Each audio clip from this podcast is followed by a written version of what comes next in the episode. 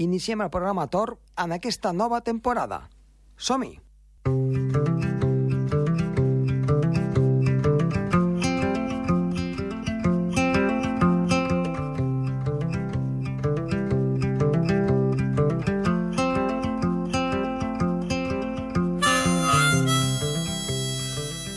Doncs sí, comencem una nova temporada molta il·lusió, com sempre, molts temes que estaran dins d'aquest programa de ciència, de meteorologia, i que, en definitiva, trata una mica de que s'ho passin una estoneta força agradable. Avui parlarem amb Gerard Tauler, ens portarà notícies meteorològiques, ens explicarà una mica què són aquestes gotes fredes que hi ha doncs, a partir del final d'estiu i a la tardor que donen força pluja, i també parlarem amb Pere Moliner, que ens explicarà de com l'essència ens pot ajudar en els propers anys des del punt de vista humà. Som-hi!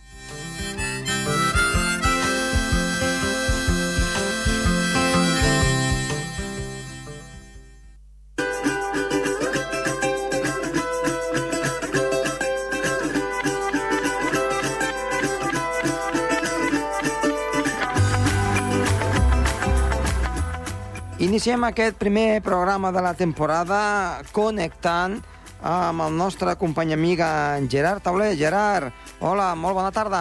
Oh, bona tarda, Josep Tomàs. Bé, com ha anat l'estiu? Bé, bé, ha fet molta calor, sobretot a principis d'agost, però després ja...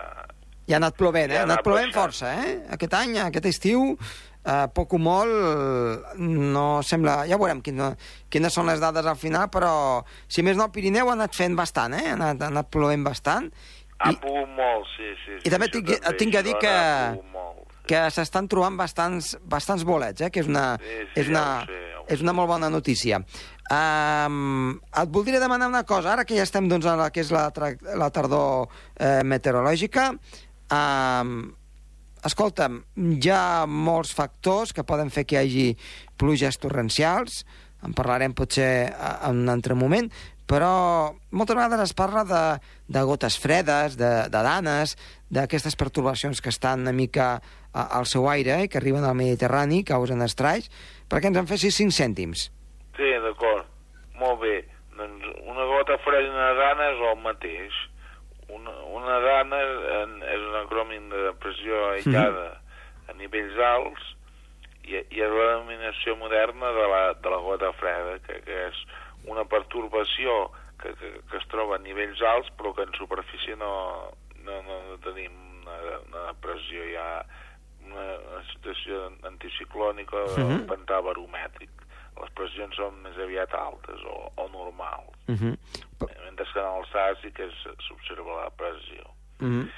I, i a, a, a la tardor, com l'aigua del mar està força calenta, perquè venim de l'estiu i, i l'aigua del mar té, té molta inèrcia tèrmica, li costa refredar-se, Sí?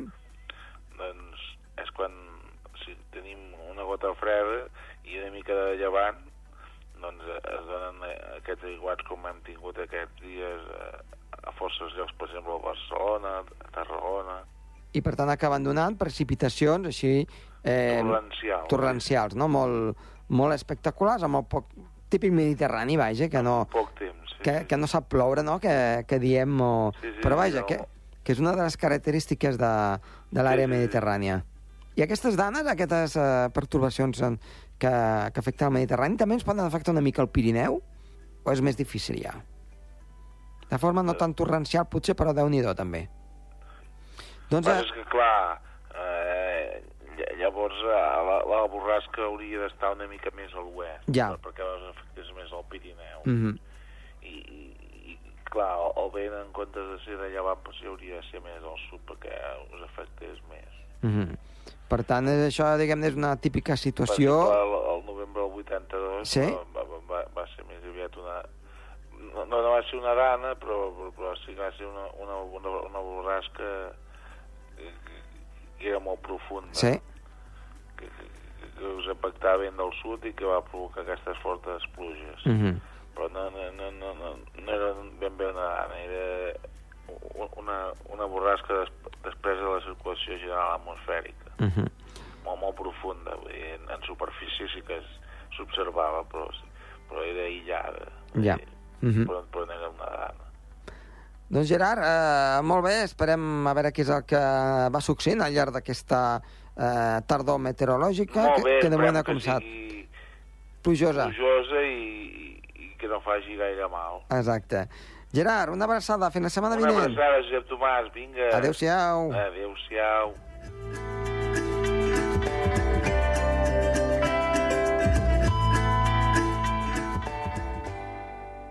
El Torb, amb Josep Tomàs.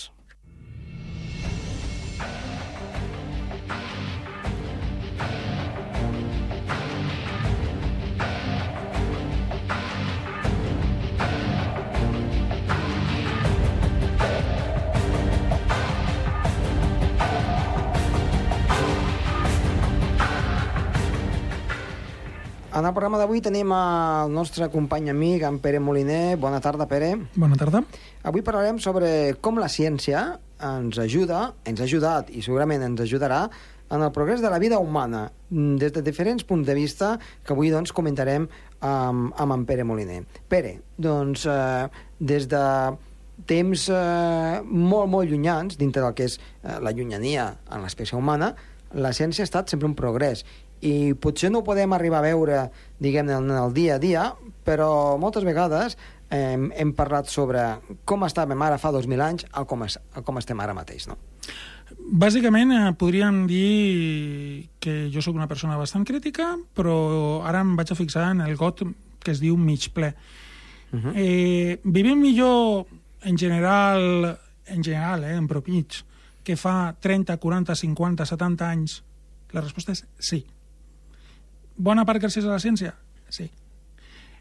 Doncs eh, podríem fixar-nos en, en molts altres aspectes i potser ens fixarem, però anem a, a coses molt elementals. Com era la vida quotidiana en una ciutat, no, de, de la zona rica, eh? no parlem de, de, de, de, zones pobres, de la zona més, més, eh, més desenvolupada del món, del Londres del, del principi de la revolució industrial, o sigui, no m'estic uh -huh. anant molt lluny. L'edat mitjana era d'uns 30-40 anys. Havia moltes malalties. Eh, la mortalitat infantil era al voltant del 10%, és a dir, 10 de cada nens no arribaven als 5 anys. Ja no parlarem de, de la situació econòmica, ja no parlarem d'altres coses. Parlarem què feia un, el nostre equivalent. El nostre equivalent. Ja no parlarem... De, suposem que el nostre equivalent no fos un treballador, una persona de classe mitjana, és a dir, uh -huh. algú ben aposentat. Sí. Que no és el, que no és un petit burgès, va. Sí, no, no, que no seria l'equivalent. Nosaltres avui ens queixem, de fet jo he tingut aquesta mateixa queixa, de, oh, és que el meu, petit, el meu petit pis, que és que no tinc gaires coses, no tinc gaires coses, però, per exemple, tinc una televisió, tu dius, felicitats, com quasi tothom, no? Eh, uh -huh. Però una televisió que m'entretén quan vull i que, entre altres coses, és fruit dels avanços tecnològics. Un ordinador? En el meu cas no tinc un ordinador, però podria tenir-lo. Però, però, però un telèfon intel·ligent, tinc, vaja. Tinc un, te tinc un telèfon intel·ligent, evidentment. Que és el mateix. Tinc, tinc una nevera, que, eh, per exemple, el, aquest petit burgès i fins i tot els grans burgesos de Londres de principis de la revolució industrial, és a dir, la zona més desenvolupada, no tenien. Ten, puc tenir accés a, a internet, pues que, el que dèiem abans, eh, m'avorreixo, m'avorreixo aquesta nit. Doncs tranquil·lament puc mirar al mòbil o a l'ordinador, que és el quasi del mateix, puc mirar doncs, centenars, milers de cançons, dotzenes de milions gratis, sense pagar. I on estan? Una cosa anomenada YouTube. Entreteniment garantit.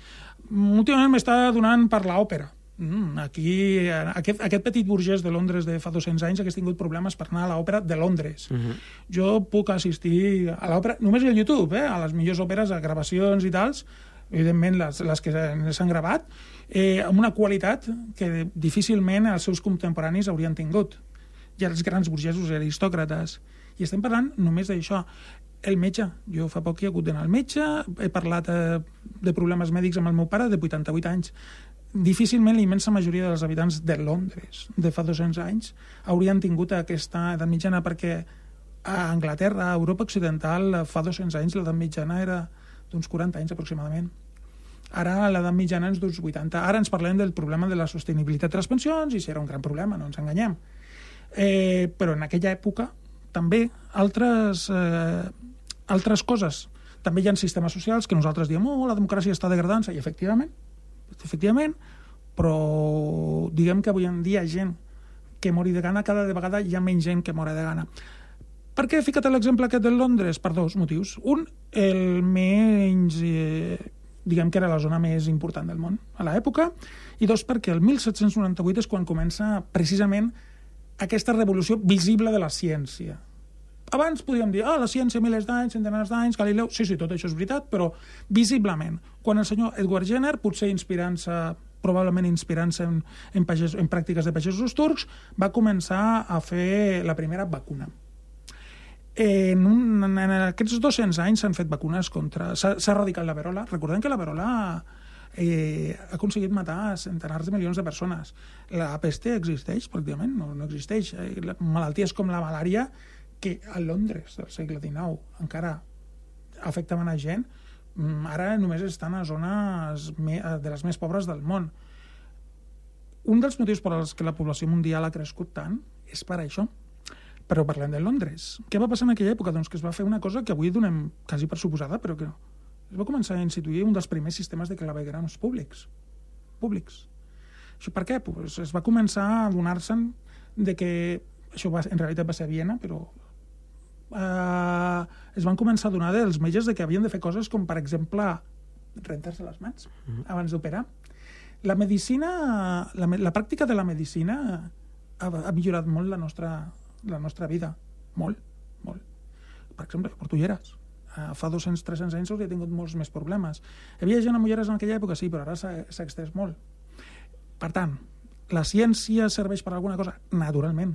Ha duplicat la nostra esperança de vida. Ha millorat la qualitat... És a dir, mm, eh, la mortalitat infantil ha baixat moltíssim. Evidentment, eh, ens ha donat molt entreteniment, ens ha donat molt coneixement. Uh, què és el que creia un il·lustrat una persona una mica il·lustrada del, del Londres de principis de, de fa 200 anys, de 1818. Doncs pensava, per exemple, que els morts podien pujar la vida si tenien electricitat. És, eh, per exemple, és, és, eh, Frankenstein. és, és Frankenstein, sí, sí, sí, sí. Pues era una, un argument.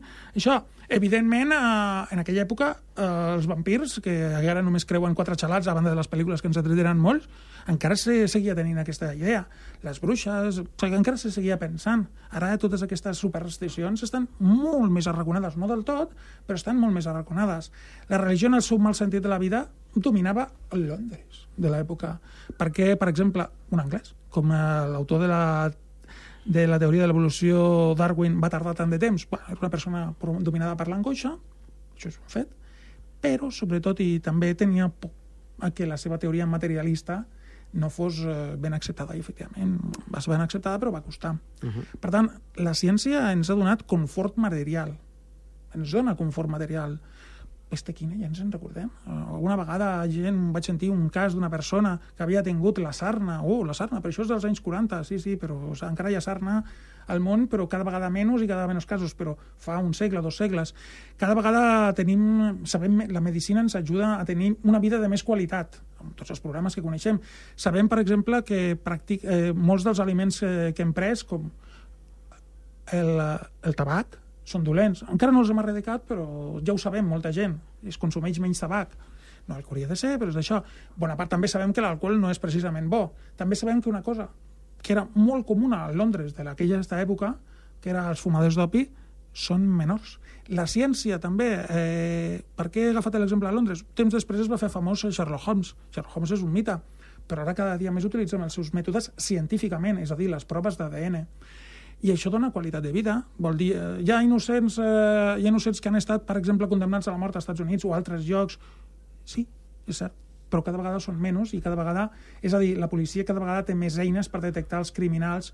Eh, vull dir, també tenim... Les, la, la, la, la ciència també els coneixements eh, de la ciència sobre la psicologia han permès moltes tonteries, és a dir, les consultes psiquiàtriques s'han fet i s'han dit moltes tonteries, però també han permès fàrmacs que permeten millorar la vida de, dels que abans estaven en manicomis, o ja t'aguantaràs, ja t'ho faràs, o té una bogeria, o té, o té una histèria, o coses d'aquestes. Cada vegada tenim més coneixement i tenim mm, i sabem me, i tenim una mica més d'humilitat, en línies generals, evidentment. Ara podem trobar 15.000 excepcions.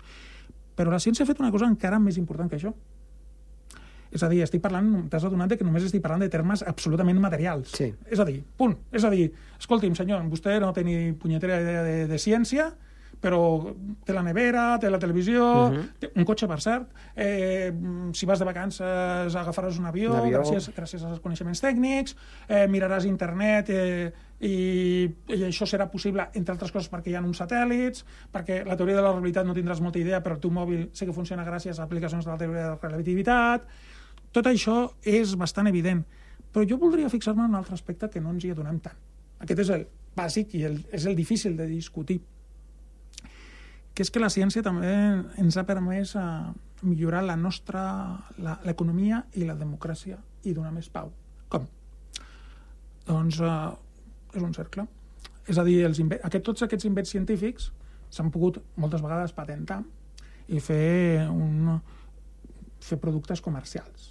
Aquests productes comercials, els interessos de les empreses, fer pues, que els cotxes es venguin a totes parts del món a totes les possibles. Això ha evitat guerres? No. Aquesta creixent interrelació mundial eh, ha evitat la guerra? No. Però sí que ha evitat que, que sigui menys possible. Ara, per exemple, ens, en critiquem eh, molta bona part d'Europa critica, per no dir altres llocs, les guerres comercials de Trump o critica la sortida del Regne Unit del Brexit. Per què? Doncs perquè es vol disminuir aquesta interrelació econòmica. Tenen problemes, és evident que tenen problemes. Per què? Doncs perquè aquesta interrelació econòmica potser es podria fer millor, potser se podria suavitzar, però és molt difícil de negar de que mm, en bona part és bona. No, no ben distribuïda, però és bona. Ens donen més productes... És a dir, fins i tot els que diuen de que es devaluen els salaris dels països rics, cert, però també és veritat de que tenim béns de consum més barats, Uh -huh. més productes. És a dir, podem menjar... Jo ara si vaig al supermercat podré menjar un kiwi. Per què? Podré menjar un kiwi, però un kiwi no, és evident que és, és, és, a, és a Nova Zelanda. Per què? Pues perquè la tecnologia i les aplicacions com a base de les aplicacions científiques ha permès que hi hagi supercontinidors i emmagatzematges que es puguin vendre aquests kiwis durant, a tot el món i durant tot l'any Tot l'any, clar. kiwis per no parlar d'altres productes. Evidentment hi ha una part molt negra, molt, molt. Però diguem que eh, estem reduint les nostres pors, les nostres supersticions i materialment. Però jo parlava... Això, l'economia també és bastant visible. Mm, és- ens queixàvem de les cadenes de treball, d'acord? les cadenes de treball de producció, les, eh, de, la, de, les, de la distribució, però, però, però en les empreses cada vegada hi ha una manera, un intent de fer distribució i gestió més científica. Els resultats no són brillants, però per què? Doncs perquè s'u- s'utilitzen paràmetres més d'eficàcia. No són els bons, moltes vegades no són els correctes, però sí són millor que el típic ordeno i mando. I aquí vaig a la tercera part. Una societat en què la ciència té més influència i té més poder significa una societat en la qual, bàsicament, efectes pràctics, la discriminació contra les dones s'ha d'erradicar. Per què? Doncs perquè no pots deixar de banda el 50% dels serveis. La discriminació contra les minories eh, sexuals com els homosexuals s'han d'erradicar. Per què? Pues perquè no pots deixar de banda aquests serveis, que moltes vegades són els més creatius. És una societat en la qual l'opinió dels experts quedarà contraposada, però en la qual eh, serà també molt rica. Molt rica. Per què aquesta opinió és tan rica, aquesta opinió dels experts? Pues perquè la ciència s'au- s'autofalsifica constantment. Tu dius teories, ens dones aproximacions a la realitat i en el fons el que estàs fent és donant teories i prediccions de la realitat però que poden ser destruïdes o millorades. Estàs fent una, una teoria de... És a dir, estàs... En el fons, la ciència de la democràcia és, és una cosa molt similar i haurien d'anar juntes. De fet, van sortir a Antiga Atenes, a l'antiga Grècia, millor dit, van sortir a, fa 2.500 anys juntes. Mm, I no sé si quina interrelació hi ha, però la relació és molt clara. Quanta més ciència hi ha, més qualitat pot tenir una societat democràtica. Per què? Pues perquè és molt... si una persona té una educació més científica és més difícil que li puguin vendre la moto, si sap eh, les, les probabilitats i la... podrà, de, podrà captar millor les supersticions que hi hagin, que li vulguin vendre, podrà captar millor, podrà millor no sempre vol dir que no t'enganyin. I fins i tot hi ha una introspecció. Podràs captar millor els propis autoenganys, alguns dels autoenganys que fem nosaltres, alguns dels nostres prejudicis, eh, aquesta reflexió em ve en part perquè hi ha un llibre, s'ha sortit recentment en anglès, eh, i jo, jo he llegit en traducció castellana, que es diu En defensa de la il·lustració, que és d'un dels millors eh, neurocientífics del món. És un professor de Harvard, que és el neurocientífic Stephen Pinker, que és canadenc. I Stephen Pinker parla dels valors de la il·lustració. la il·lustració del segle XVIII, doncs són retornats. Però jo m'estic fixant sobretot en el paper de la ciència, perquè considero que la ciència és bàsic, és el que dona, quanta més ciència hi ha, eh, més qualitat té la democràcia i l'economia, i és un cercle virtuós. Evidentment és com el, és una utopia, és com, és com, és com l'horitzó. Eh, quan més, més t'acostes, més et vas allunyant i més te n'adones del que no hi ha. Però ens dona molta humilitat. La ciència, a més, ens ha donat una gran humilitat, en el sentit de que, per exemple, la ciència moderna es creu que va començar amb les aplicacions de l'invent tecnològic anomenat telescopi, ah, simplement de, ah, el telescopi serveix per mirar els vaixells eh, o, o, les o, o els exèrcits a les llunyanies, ah, doncs mirem els estels. I, oh, hòsties, el sistema, com va, això va fer Galileu i va descobrir que oh, el centre del sistema solar és, és el Sol i el sistema geocèntric, per molt que digui l'Església Catòlica i alguns científics i tals, no, ja les proves en remeto. O quan algun, un holandès, de nom impronunciable per mi, per tant no el diré, va decidir ah, pues mirar-se la seva pròpia mà i va descobrir que hi havia bitxets. És, és a dir, oh, resulta que el, el ser humà és més complicat. Resulta que el, el, van descobrir que el, la Terra no era el centre de l'univers, de fet ni el Sol ni la Via Làctea, però això és més això, això ens ha donat una humilitat. Una, un altre avenç científic de Darwin ens ha descobert que només érem una espècie animal, entre altres, això sí, la més eficaç, per ara, eh, Einstein ens va dir que ni tan sols el temps es podria dir que existeix, és a dir, que és una, una constant relativa i que per tant tampoc ens en refiem i els eh, científics que aborden en aquest univers eh, desconegut que és el, el nostre propi cervell jo no m'atreviria a dir que Freud va ser un d'ells, però bueno, eh, tots, aquests eh, tots aquests psicòlegs ens estan descobrint que ni tan sols la racionalitat, que és el que jo estic dient ara, és el que més, eh, com, més comunament tenim però jo crec que una bona passió per la ciència, és a dir, jo ara estic demostrant una passió per la ciència, eh, estic, estic fent una cosa que és curiosament contradictòria, és defensant de forma molt, cometes, irracional, passional, una, la raó. És el paper perquè la raó, la raó no pot imperar amb els nostres... Eh, com es diu? Els nostres, les nostres passions, els nostres sentiments, ni crec que ho hagi de fer per ara, però sí que ens pot moderar i ens pot eh, fer que es gestionem molt, molt millor. Pere, eh, veritablement, eh, després de tot aquest, eh, aquest discurs, el que, com a resum, eh, és que si no fos per la ciència, potser ara nosaltres mateixos, en aquest moment de la nostra vida, a millor no, ja no hi seríem, no?, per, per diferents coses que es poden anar passant.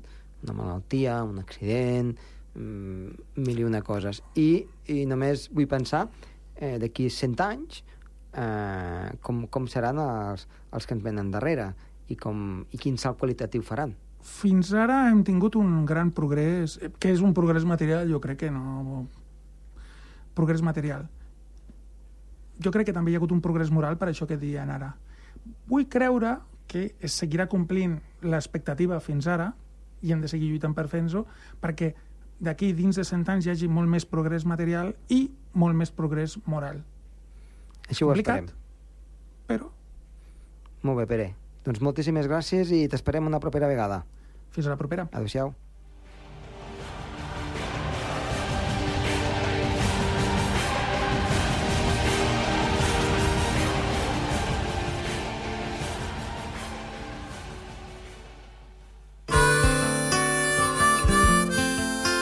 El Torb, amb Josep Tomàs.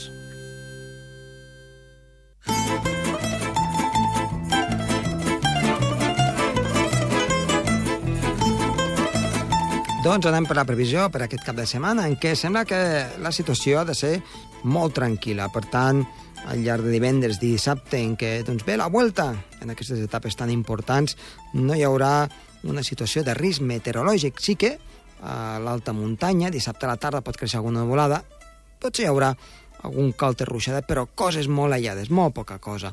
I amb unes temperatures similars o amb tendència a pujar una miqueta durant el cap de setmana, amb un diumenge també molt tranquil i assolellat. Per tant, un cap de setmana d'estiu amb temperatures no excessivament càlides, però sí molt agradables. No esperem precipitacions pràcticament. En definitiva, unes jornades per gaudir del nostre entorn i de la nostra natura.